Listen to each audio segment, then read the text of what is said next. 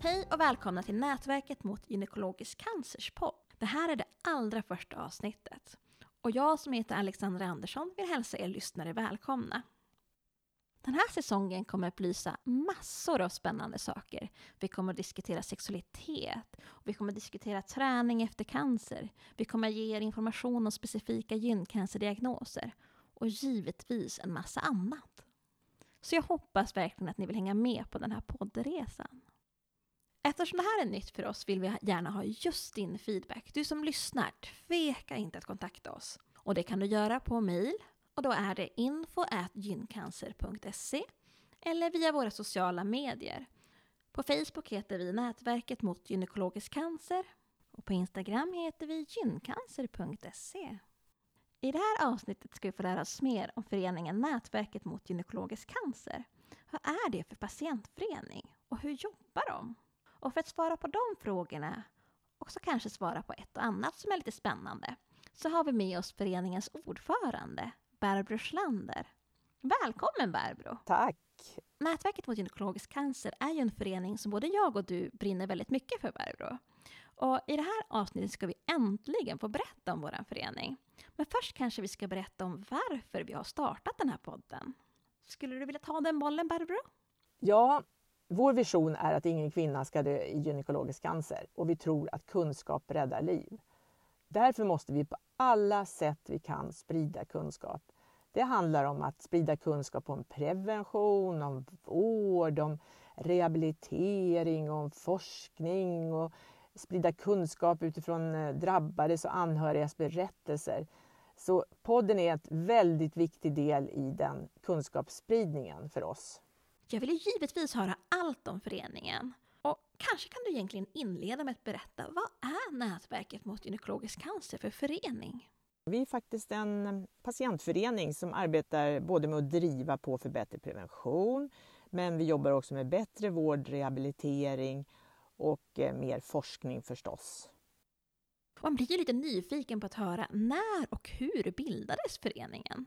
Ja, nätverket har inte en så speciellt lång historia faktiskt. Det bildades eh, 2007 och då bildades det med målet att få in HPV-vaccinering för flickor i skolvaccinationen. Då arbetade nätverket mycket mer med påverkan. Det var egentligen ingen direkt patientförening då. Men när man hade då kunnat så att säga, sätta bock på HPV-vaccineringen i skolvaccinationen så ombildades nätverket och då reviderade vi våra stadgar och så beslöt vi att arbeta både med stöd till drabbade och med påverkan.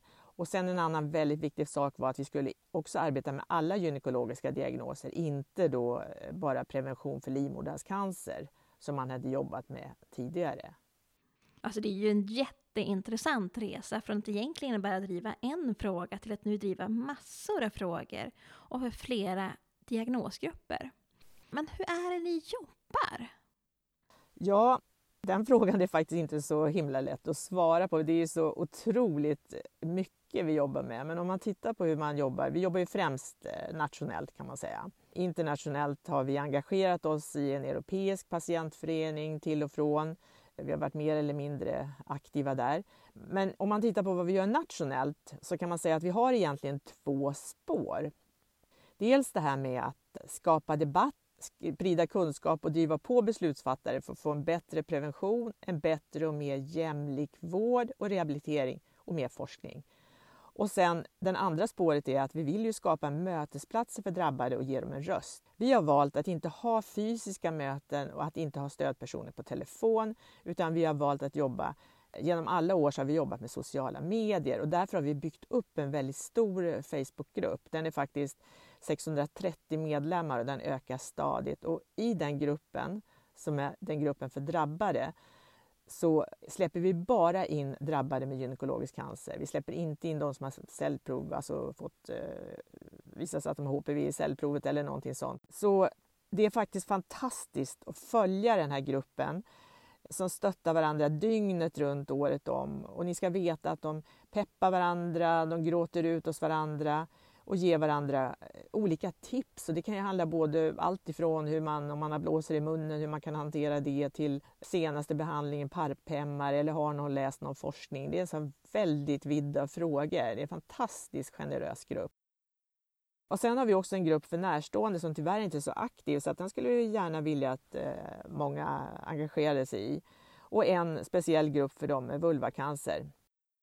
I vårt första spår, det var ju det om, att som jag sa förut om att vi skulle skapa debatt, sprida kunskap och driva på beslutsfattare. Och där arbetar vi olika, i olika arbetsgrupper. Och ämnena kan ju självklart variera över åren och jag, jag har varit här med, med i den här föreningen i väldigt många år och varit ordförande också i många. Så eh, jag har nog varit ordförande i åtta år tror jag. Och det har varierat otroligt mycket genom åren men ändå har vi haft en väldigt tydlig linje vad vi vill och vi har en väldigt tydlig handlingsplan. Men det kan vara diagnosspecifika grupper. Eh, just nu jobbar vi väldigt mycket i gruppen äggstockscancer och gruppen livmoderhalscancer. Eller grupper som vårdpåverkan, det här vill vi och det här gör vi.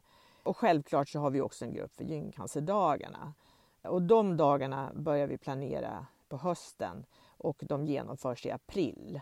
Och det är många som är med i våra arbetsgrupper. Deltagarna är både styrelsemedlemmar och medlemmar i föreningen, både drabbade och närstående. Jag tycker att det är jättespännande att höra hur föreningen arbetar. Och det här med arbetsgrupper verkar ju vara ett vinnande koncept. Och nu ska ni få höra lite insiderinfo jag är ledare för äktenskapscancergruppen och jag kan se att arbetsgrupper är ett bra sätt att få snöa in på ett särskilt ämne och verkligen, verkligen komma in i arbetet. Barbro, kanske skulle du kunna berätta lite grann om föreningens viktigaste frågor? De viktigaste frågorna har ju varierat över åren, som jag sa tidigare också. Men om vi börjar med prevention så har vi jobbat hårt för vaccinering av pojkar i skolvaccinationsprogrammet. Vi har jobbat för fri screening och för att få fler att gå på screeningen. Det är faktiskt så att Socialstyrelsen beslöt redan 2015 att eh, man skulle ha en så kallad HPV-baserad screening. Eller ett helt, det var ett helt nytt screeningprogram och för kvinnor över 30 år så skulle det göras HPV-analys. Det är fortfarande inte implementerat i alla regioner vilket vi tycker är en fullkomlig skandal. Och där har vi varit en verklig blåslampa både på tjänstemän och politiker för att få det här att hända. Så det har varit en stor sak vi har jobbat med. Sen eh, inom prevention så har vi också startat en kampanj som heter Ett Sverige fritt från livmoderhalscancer 2025. Det är faktiskt helt görbart med minimal investering och vi träffade i januari tillsammans med professor Joakim Dillner och eh, Charlotta Säblom som är ansvarig för screeningprogrammet inom RCC. Vi träffade toppolitiker och vi hade på gång att man skulle ta upp det i socialutskottet i riksdagen. Då kom ett annat virus, covid-19, och då dog ju vår fråga totalt.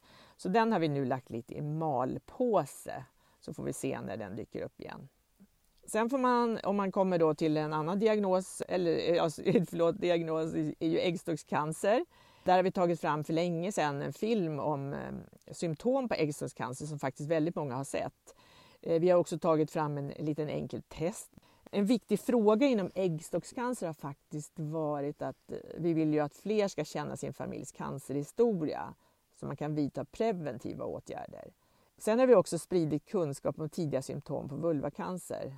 Vulvacancer var det faktiskt ingen som hade pratat om förrän vi började skriva om det på vår hemsida. Så vi har haft otroligt många som har varit inne och tittat på våra sidor om vulvacancer. Vi har också gjort patientfilmer om det. Den fråga du ställde vilken som var de viktigaste frågorna. Om man tittar då på det andra området som är eh, bättre och mer jämlik vård. Där har vi genom åren drivit att man ska nivåstrukturera, det är ett finare ord för centralisera, operationerna av vulvacancer och äggstockscancer. Vi har också arbetat för att man ska snabba på införandet av vissa läkemedel och eh, framför allt de så kallade PARP-hämmarna som är viktig behandling för patienter med äggstockscancer. Vi har tagit fram en rapport eh, som visar hur mycket äggstockscancer kostar samhället. Det är otroliga siffror. Så skulle man kunna jobba mer med prevention och så att färre skulle drabbas och hitta bättre botemedel så skulle samhället spara mycket pengar. Sen eh, jobbar vi just nu med vårdpåverkan och då är det mer personcentrerad vård inom speciellt äggstockscancer. Där har centraliseringen gått alldeles för långt i vissa regioner. Alltså att man aldrig får träffa sin gynonkolog utan man får träffa en lokal eh, gynekolog eller en lokal onkolog som i sin tur har kontakt med gynonkologen på ett universitetssjukhus. Och det passar kanske vissa patienter men inte alla utan där tycker vi att patienten borde få styra. Så måste jag också passa på att lyfta upp det här forskning. Det lyfter vi ständigt upp i vår nyhets, våra nyhetsbrev. Eh, vi deltar på internationella konferenser.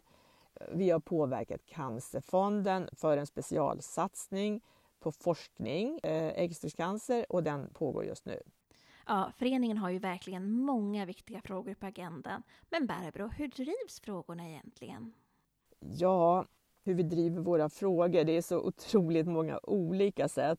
Det man kan säga över de här åren som vi har jobbat så intensivt så har vi blivit väldigt kända inom media eh, genom allt vårt påverkansarbete. Så, så till exempel Dagens Eko eller SVT eller lokalradiostationer och lokal-tv-stationer ringer alltid till oss när de vill ha, syn, vill ha vår synpunkt på något inom gynekologisk cancer. Det kan vara prevention eller vård eller någonting annat. Vi skriver debattartiklar, vi gör patientfilmer som vi sprider för att ge gynekologisk cancer ett ansikte.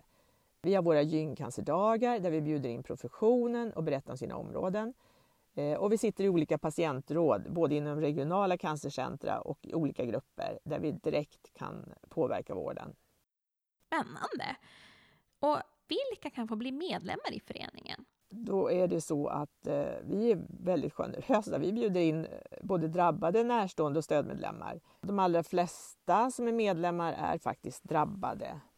Och eh, vi är faktiskt just nu drygt 1400 medlemmar.